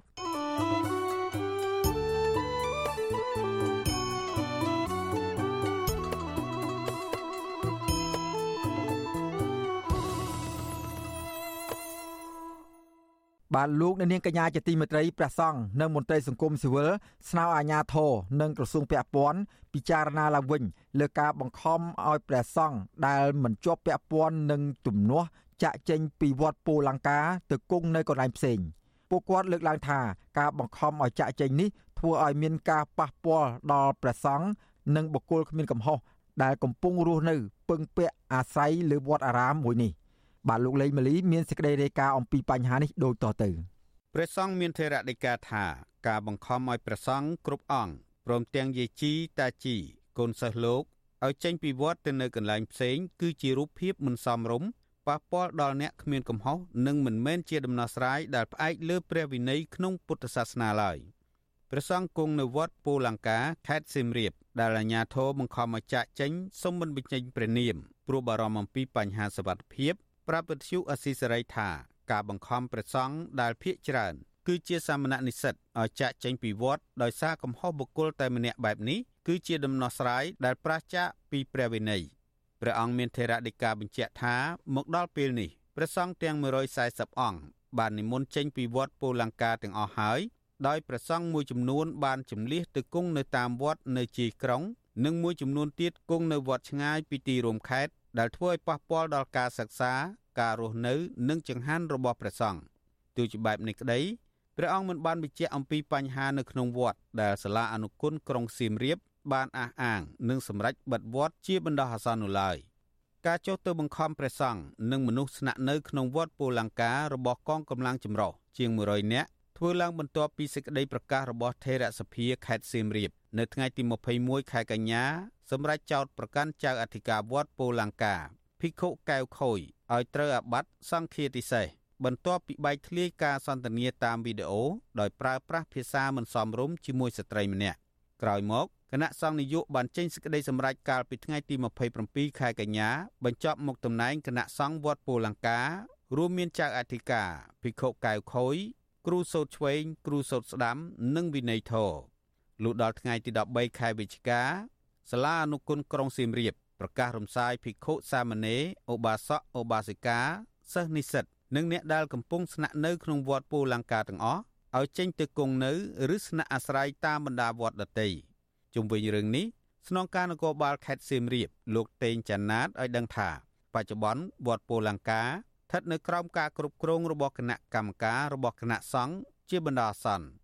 លោកថ្លែងថាការបញ្ចប់តួនាទីចៅអធិការ គ្រូសូត្រឆ្វេងនិងគ្រូសូត្រស្ដាំនិងបិទវត្តជាបណ្ដោះអាសន្ននេះមិនជាប់ពាក់ព័ន្ធនឹងការជេរប្រមាថថ្នាក់ដឹកនាំឡើយពេលណាដែលលោករៀបចំមានគណៈកម្មការវត្តថ្មីហើយអានឹងចាប់ផ្ដើមឲ្យប្រសង់មួយចំនួនដែលទៅគង់ក្នុងវត្តផ្សេងនោះត្រឡប់មកវិញប៉ុន្តែកាលពីថ្ងៃទី13វិច្ឆិកាអតីតវិន័យធរវត្តពូលង្កាព្រះដេចគុណសេងសុខុមបានថតវីដេអូផ្សាយផ្ទាល់ទៅលើបណ្ដាញសង្គម Facebook លើកដៃសំពះស្នើសុំកិច្ចអន្តរាគមន៍ពីលោកនាយករដ្ឋមន្ត្រីហ៊ុនម៉ាណែត និងអតីតនាយករដ្ឋមន្ត្រីហ៊ុនសែនដោយបានលើកឡើងថាមន្ត្រីសង្ឃគួរតែចាត់វិធានការចំពោះអតីតចៅអធិការព្រះនាមកៅខូចដែលបានជេរប្រមាថថ្នាក់ដឹកនាំនិងប្រព្រឹត្តខុសពីវិន័យសង្ឃនិងមិនគួរបង្ខំឲ្យព្រះសង្ឃដែលមិនជាប់ពាក់ព័ន្ធចេញពីវត្តនោះទេមន្ត្រីសម្របសម្រួលសមាគមការពារសិទ្ធិមនុស្សអាតហុកប្រចាំនៅខេត្តសៀមរាបលោកច័ន្ទចម្រើនមានប្រសាសន៍ថា អាញាធរនិងស្ថាប័នពាក់ព័ន្ធគួរបើកការស៊ើបអង្កេតរកតែអ្នកដែលពាក់ព័ន្ធដើម្បីយកទៅចាត់វិធានការផ្សេងផ្សេងតាមផ្លូវច្បាប់ដោយមិនត្រូវធ្វើឲ្យប៉ះពាល់ដល់ព្រះសង្ឃដទៃទៀតនិងសិស្សានុសិស្សដែលកំពុងស្នាក់អាស្រ័យក្នុងវត្តពូលង្កានេះឡើយលោកយល់ឃើញថាការសម្រេចជំលះព្រះសង្ឃនិងអ្នកមិនពាក់ព័ន្ធចេញពីអារាម ជាការរំខានដល់ការរៀនសូត្រនិងប៉ះពាល់ដល់សិទ្ធិនៃការរស់នៅក្នុងនាមជាជនដែលគ្មានកំហុស បាទខ្ញុំថាបើសិនជាការស៊ើបអង្កេតឲ្យបានច្បាស់លាស់មួយតាក់ទងទៅនឹងពិខុណាដែលលោកមិនមានកំហុសអីទេយើងគួរតែឲ្យគាត់មកស្នាក់នៅវិញទៅអានឹងជាដំណោះស្រាយមួយព្រោះវត្តជាទីស្នាក់នៅរបស់គ្រប់បុគ្គលទាំងអស់ដែលបួសហ្នឹងហើយបើគាត់មិនពាក់ព័ន្ធយើងគួរអនុញ្ញាតឲ្យគាត់គង់នៅឡើងវិញហើយបើអ្នកដែលពាក់ព័ន្ធអានឹងទៅតាមវិន័យសង្ឃទៅចុះអានឹងចង់និយាយចឹងណាព្រះត្រៃបេដកភាគ4ទំព័រ501ចែងថា វិធីរំងាប់អធិករឬចំនួនរបស់ភិក្ខុសង្ឃក្នុងវត្តអារាមគណៈសង្ឃត្រូវវិនិច្ឆ័យនិងដាក់ពិន័យចំពោះភិក្ខុដែលប្រព្រឹត្តខុសទៅតាមកំហុសចំពោះវិវាទរបស់ភិក្ខុសង្ឃគណៈសង្ឃត្រូវវិនិច្ឆ័យឲ្យភិក្ខុដែលទាស់តែងគ្នា សង្រួមអត់ឲ្យនៅគ្នាទៅវិញទៅមកព្រះសង្ឃនិងមន្ត្រីសង្គមស៊ីវិលជំរុញដល់គណៈសង្ឃនាយកនិងរដ្ឋបាលខេត្តសៀមរាបឲ្យពិចារណាបើកវត្តពូលង្កា និងទទួលព្រះសង្ឃព្រមទាំងសិស្សានុសិស្ស យាយជីតាជីឲ្យគង់នឹងស្នាក់នៅក្នុងវត្តវិញ ដើម្បីបន្តការរៀនសូត្រនិងការរស់នៅ របស់ជនដែលគ្មានកំហុសខ្ញុំបាទលេងម៉ាលីវិទ្យុអាស៊ីសេរីវ៉ាស៊ីនតោនបាទលោកនាងកញ្ញាជាទីមេត្រីពាក់ព័ន្ធនឹងទំនាស់ការងារនៅក្រុមហ៊ុនបលបែងកាស៊ីណូ Naga World វិញម្ដងក្រុមហ៊ុនបលបែងកាស៊ីណូ Naga World បង្ខំបុគ្គលិកដែលជាសហជីពចំនួន12នាក់ឲ្យបញ្ឈប់កិច្ចសន្យាការងារដោយមិនបានបញ្ជាក់ពីមូលហេតុ អតីតបុគ្គលិកក្រុមហ៊ុន Nagavel មិនអាចទទួលយកការបញ្ឈប់កិច្ចសន្យា ដោយគ្មានកំហុសនិងមិនបានបញ្ជាក់ពីមូលហេតុបាននោះឡើយមន្ត្រីសហជីពថាការបង្ខាំងបុគ្គលិកដើម្បីបង្ខំឲ្យពួកគេលាឈប់ពីកន្លែងការងារជាការរំលោភលើសិទ្ធិការងារធ្ងន់ធ្ងរបាទពីរដ្ឋធានីវ៉ាស៊ីនតោនអ្នកស្រីសូជីវីរាយការណ៍អំពីរឿងនេះរដ្ឋបាលក្រុមហ៊ុន Casino Nagavel កាលពីថ្ងៃទី14ខែវិច្ឆិកាបានហៅបុគ្គលិកចំនួន12នាក់ ដែលកំពុងធ្វើការនិងជាសហជីពនៅក្នុងកាស៊ីណូ Nagavel ទៅជួបនៅអាគារមួយ ដែលនៅក្រុមហ៊ុនប៉ុន្តែបុគ្គលិកទាំង12នាក់នោះបានបដិសេធនិងបានសុំជួបនៅអាគារបណ្ដុះបណ្ដាលបុគ្គលិកជំនួសវិញរដ្ឋបាលក្រុមហ៊ុនបានហៅបុគ្គលិកទាំង12នាក់ម្នាក់ម្ដងម្នាក់ម្ដងដើម្បីឲ្យពួកគេផ្តិតមេដៃឬចុះហត្ថលេខាលើក្រដាស់ពីរសន្លឹកដែលរៀបចំដោយរដ្ឋបាលក្រុមហ៊ុន ទី1គឺលិខិតបញ្ចប់កិច្ចសន្យាដោយព្រមព្រៀង និងទី2សេចក្តីជូនដំណឹងការរំលាយកិច្ចសន្យាការងារបន្ទាប់ពីបុគ្គលិកមួយចំនួនមិនព្រមផ្តិតមេដៃឬចុះហត្ថលេខាខាងក្រុមហ៊ុន Nagavel បានបិទទ្វាររបងតាំងពីម៉ោង5រសៀលមិនឲ្យពួកគាត់ចេញទៅផ្ទះនោះទេ រហូតដល់ម៉ោង7កន្លះយប់ក៏ឃើញមានសមត្ថកិច្ចជាច្រើនអ្នកមកដល់ទីតាំងនោះទើបបុគ្គលិកទាំងនោះអាចចាក់ចេញពីក្រុមហ៊ុនបានទោះជាយ៉ាងណាភ្លាមភ្លាមនោះសមត្ថកិច្ចមិនបានសាកសួរពីការបង្ខាំងបុគ្គលិកជាក់ស្ដែងនោះទេ បែរជាឲ្យបុគ្គលិកដែលត្រូវបានក្រុមហ៊ុនបង្ខាំងទុកនោះទៅដាក់ពាក្យប្តឹងនៅប៉ុស្តិ៍នគរបាលទៅវិញក្នុងចំណោមបុគ្គលិកទាំង12នាក់នោះមានតែបុគ្គលិកម្នាក់គឺកញ្ញាសៀកកញ្ញាដែលមិនទទួលយកសំណើនោះហើយបុគ្គលិក11នាក់ផ្សេងទៀតសុទ្ធតែទទួលយកសំណើបញ្ចប់កិច្ចសន្យាដោយព្រមព្រៀងអតីតបុគ្គលិក Nagavel ម្នាក់កញ្ញាសៀកបញ្ញាដែលមិនទទួលយកសំណើទាំងពីររបស់ក្រុមហ៊ុន ប្រាប់វិទ្យុអាស៊ីសេរី នៅថ្ងៃទី15ខែវិច្ឆិកាថា កញ្ញាមិនអាចទទួលយកការបញ្ចប់កិច្ចសន្យាការងារនេះបានទេកញ្ញាបន្តថាក្រោយពីមិនទទួលយកសំណើទាំងពីរនេះរដ្ឋបាលក្រុមហ៊ុន បានសុំគាត់ថតរូបភ្ជាប់ជាមួយនឹងលិខិតជូនដំណឹងការរំលាយកិច្ចសន្យាការងារតែគាត់បានបដិសេធមិនអនុញ្ញាតឲ្យថតហើយបែរជារដ្ឋបាលបានថតវីដេអូជំនួសវិញ ខ្ញុំអត់ព្រមទេខ្ញុំអត់ព្រមទទួលយកការរំលាយកិច្ចសន្យាការងារខ្ញុំអត់ព្រមទទួលយកបញ្ចប់កិច្ចសន្យាការងារទេព្រោះអីខ្ញុំត្រូវការការងារធ្វើខ្ញុំអត់មានខុសអីទេព្រោះបើសិនជាក្រុមហ៊ុនចង់បញ្ចប់កិច្ចសន្យាការងារខ្ញុំក៏គួរតែមានហេតុផលដែរបើប្រើតែភាសាថាបញ្ចប់តែគ្រាន់តែចង់បញ្ចប់តែកិច្ចសន្យាការងារខ្ញុំប៉ុណ្ណឹងគឺខ្ញុំទទួលយកបានទេព្រោះខ្ញុំអត់មានខុសអីកញ្ញាបន្ថែមថាក្រុមហ៊ុនបញ្ឈប់បុគ្គលិកបែបនេះជាការរំលោភលើសិទ្ធិការងារនិងស្នើដល់រដ្ឋាភិបាលដោះស្រាយបញ្ហានេះ ទេខ្ញុំមានតែលើកមករៀមដៃ10ក្នុងនាមខ្ញុំជាពលរដ្ឋម្នាក់ដែលទាមទារសិទ្ធិការងារដែលត្រឹមត្រូវហើយដែលក្រុមហ៊ុនត្រូវបានក្រុមហ៊ុនប្រជុំទាំងអយុធធម៌អញ្ចឹងគឺខ្ញុំពិតជាទទួលយកបានមែនខ្ញុំស្នើសុំឲ្យស្ថាប័នពាក់ព័ន្ធមិនថារដ្ឋាភិបាលឬខាងអង្គការសិទ្ធិមនុស្សទេសូមឲ្យគាត់ជួយរកយុត្តិធម៌ដល់ខ្ញុំវិទ្យុអាស៊ីសេរីមិនអាចតាក់ទងផ្នែកធនធានមនុស្សនៃក្រុមហ៊ុន Nagavel ដើម្បីសុំការអត្ថាធិប្បាយជុំវិញបញ្ហានេះបាននៅឡើយទេ នៅថ្ងៃទី15ខែវិច្ឆិកាដោយទូរស័ព្ទចូលប៉ុន្តែត្រូវគេចុចបិទ ចំណែកអ្នកនាំពាក្យក្រសួងកាងារលោកកតាអូនក៏មិនអាចតាក់ទងបានដែរដោយទូរស័ព្ទចូលតែគ្មានអ្នកទទួលតាក់ទងនឹងបញ្ហានេះប្រធានសហព័ន្ធសហជីពកម្មករចំណីអាហារនិងសេវាកម្មកម្ពុជា អ្នកស្រីអ៊ូទេផូលីនប្រាប់វិទ្យុអាស៊ីសេរីថាការបង្ខាំងបុគ្គលិកដើម្បីបង្ខំឲ្យពួកគាត់ផ្តិតមេដៃឬចុះហត្ថលេខាបញ្ចប់កិច្ចសន្យាការងារ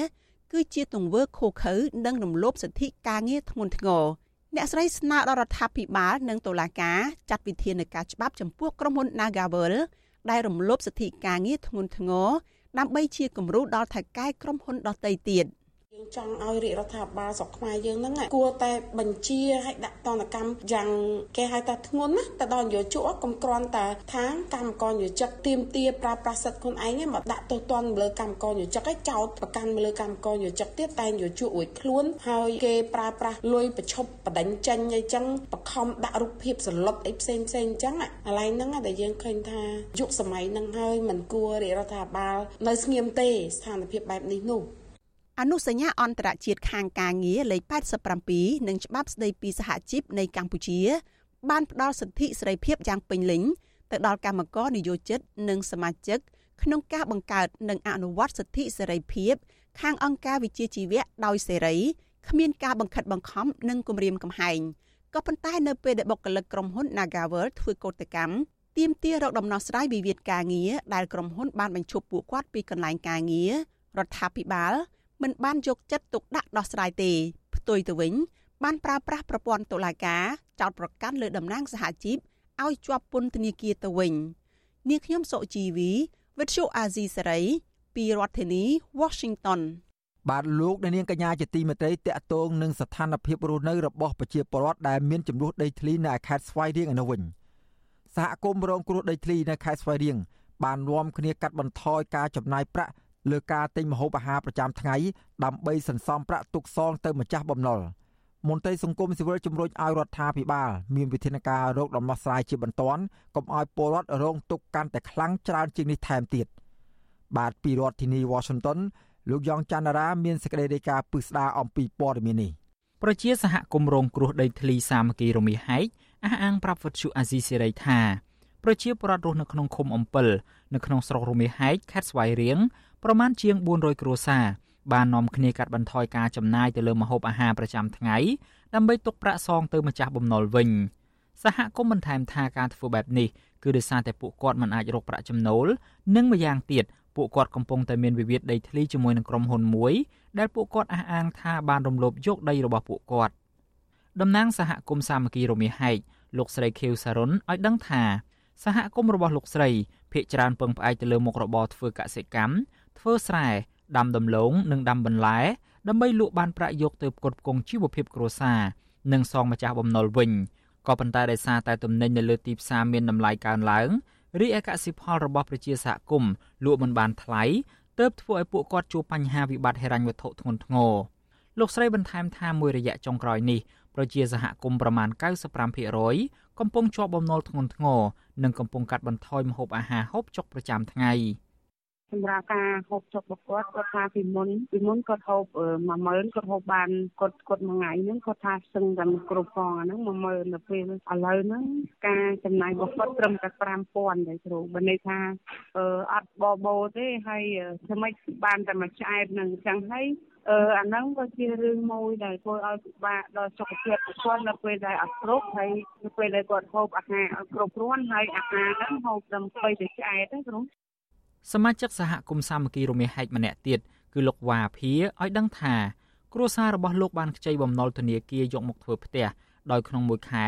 ត្រូវសងជិត300ដុល្លារហើយរាល់ថ្ងៃនេះលោកត្រូវលក់ទ្រព្យសម្បត្តិមួយចំនួននិងសន្សំលុយកូនធ្វើការងាររោងចក្រខ្លះនិងត្រូវបង្ខំចិត្តហូបចុករិះថាំដើម្បីសន្សំប្រាក់ទុកសងបំណុលធនាគារហើយនៅជាងមួយឆ្នាំទៀតបាននៅក្នុងបន្តហោហែរហូតបានពួកអី កូនទៅធ្វើការមកហើយខ្ញុំលក់ហើយតិចតួចអីសងគ្នាទាំងបានបងយើងមួយខែខែរួចរួចបានកូនកូនគេទៅធ្វើការនៅរោងចក្រអីចឹងចំនួនប្រជាសហគមន៍ឲ្យដឹងទៀតថាកុមារមួយចំនួនត្រូវបានឪពុកម្ដាយបង្ខំឲ្យឈប់រៀនរួចហើយធ្វើអត្តសញ្ញាណប័ណ្ណបន្លំបង្កើនអាយុគ្រប់ចំនួនធ្វើការងារដើម្បីអាចរកការងារបានធ្វើរកចំណូលជួយសងបំណុលក្នុងគ្រួសារក្រៅពីនេះប្រជាពលរដ្ឋដែលពេញកម្លាំងជាង50%នៅក្នុងឃុំ បាននាំគ្នាចេញទៅរកការងារធ្វើនៅភ្នំពេញនិងក្រុងបាវិតជាប់ព្រំដែនកម្ពុជាវៀតណាមនិងមួយផ្នែកធំទៅធ្វើការនៅប្រទេសថៃតាក់ទងទៅនឹងរឿងនេះវិទ្យុអាស៊ីសេរីមិនអាចតាក់ទងអភិបាលខេត្តស្វាយរៀងលោកពេញពោសា ដើម្បីសាកសួរអំពីរឿងនេះបាននៅឡើយទេ កាលពីថ្ងៃទី15វិច្ឆិកាជុំវិញរឿងនេះអ្នកនាំពាក្យសមាគមមីក្រូហិរញ្ញវត្ថុកម្ពុជា លោកកាំងតុងងីប្រាប់វិទ្យុអាស៊ីសេរីតាមរយៈបណ្ដាញសង្គម Telegram កាលពីថ្ងៃទី15វិច្ឆិកាថា ស្ថាប័នផ្ដល់ប្រាក់កម្ចីនៅកម្ពុជា តែងតែពិនិត្យទៅតាមគោលការណ៍លំហូរសាច់ប្រាក់មុននឹងផ្ដល់កម្ចីដល់អតិថិជនលោកថានៅក្នុងស្ថានភាពវិបត្តិសេដ្ឋកិច្ចនេះលោកជំរុញឲ្យប្រជាពលរដ្ឋដែលជំពាក់បំណុលត្រូវមានភាពក្លាហាន និងស្មោះត្រង់ក្នុងការចរចាជាមួយស្ថាប័នផ្ដល់ប្រាក់កម្ចីទាំងនោះដើម្បីរៀបចំកម្ចីឡើងវិញតែកតិនទៅនឹងបញ្ហានេះដែរនាយកទទួលបន្ទុកកិច្ចការទូតនៃអង្គការសិទ្ធិមនុស្សលីកាដូលោកអំសំអាត ជំរុញឲ្យរដ្ឋាភិបាល មានវិធានការជាក់លាក់ជាបន្ទាន់ដើម្បីកុំឲ្យប្រជាពលរដ្ឋរងផលប៉ះពាល់កាន់តែច្រើនឡើងហើយរដ្ឋាភិបាលត្រូវទៅរកការងារឲ្យប្រជាពលរដ្ឋនិងរកទីផ្សារឲ្យកសិករលក់កសិផលមានតម្លៃថ្លៃយើងមើលបញ្ហាសេដ្ឋកិច្ចឥឡូវវាតកតនឹងបញ្ហាការងារសម្រាប់គាត់ទី1ហើយយើងឃើញការបាត់បង់ការងារឬក៏បញ្ហាខ្វះទីផ្សារការងារ អាហ្នឹងវាជាហេតុផលមួយដូចជាកម្មករកម្មរដ្ឋការទាំងនេះដែលគាត់ថយការងារទៅរកចាក់ទៅបោះអីមួយចំនួនហ្នឹងទៅតែផលប៉ះពាល់ទៅបញ្ហាទី2គឺរឿងទីផ្សាររបស់កសិករដើម្បីឲ្យគាត់មានទីផ្សារនៅទៅផលដំណាំគឺស្រូវរបស់គាត់ណាប្រជាសហគមន៍ដីធ្លីសាមគ្គីរមាសហែកចំនួន2ឃុំ គឺឃុំអំពិលនិងឃុំកគីស្ថិតនៅក្នុងស្រុករមាសហែកខេត្តស្វាយរៀងមានប្រជាពលរដ្ឋចំនួន440គ្រួសារ ដែលកំពុងមានទំនាស់ដីធ្លីចាប់តាំងពីឆ្នាំ2010ដោយក្រុមហ៊ុនបានរំលោភយកដីរបស់ពួកគាត់ក៏ប៉ុន្តែរហូតមកដល់ពេលនេះទំនាស់ដីធ្លីនេះនៅតែមិនទាន់មានដំណោះស្រាយនៅឡើយទេខ្ញុំយ៉ងច័ន្ទដារាវិទ្យុអាស៊ីសេរី Washington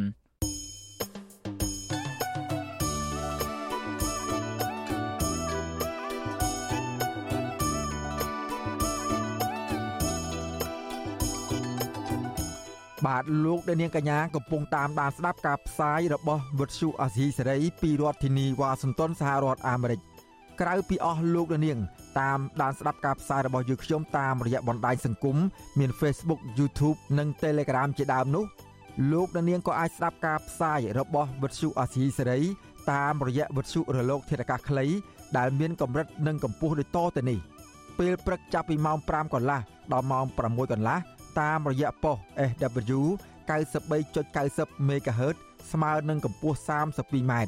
និងប៉ុស SW 11.85 MHz ស្មើនឹងកម្ពស់ 25m ពេលយប់ចាប់ពីម៉ោង7កន្លះដល់ម៉ោង8កន្លះតាមរយៈប៉ុស SW 93.30 MHz ស្មើនឹងកម្ពស់ 32m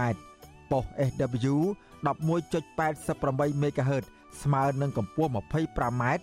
និងប៉ុស SW 15.15 MHz ស្មើនឹងកម្ពស់ 20m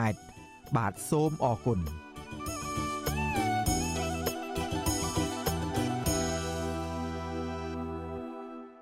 បាទលោកអ្នកនាងកញ្ញាជាទីមេត្រីកម្មវិធីផ្សាយរបស់វិទ្យុអស៊ីសេរីសម្រាប់ព្រឹកនេះចប់តែប៉ុណ្ណេះការផ្សាយរបស់វិទ្យុអស៊ីសេរីនឹងវិលមកជួបអស់លោកអ្នកនាងសាជាថ្មីម្ដងទៀតនៅវេលាម៉ោង7កន្លះដល់ម៉ោង8កន្លះនៅយប់នេះជាបន្តទៀត។ ខ្ញុំបាទសេកបណ្ឌិតព្រមទាំងក្រុមការងារទាំងអស់របស់វិទ្យុអសីសេរីសូមជូនពរដល់អស់លោកនាងឲ្យជួបប្រកបតែនឹងសេចក្តីសុខចម្រើនរុងរឿងកំបីគ្លៀងគ្លាឡើយខ្ញុំបាទសូមអរគុណនិងសូមជម្រាបលា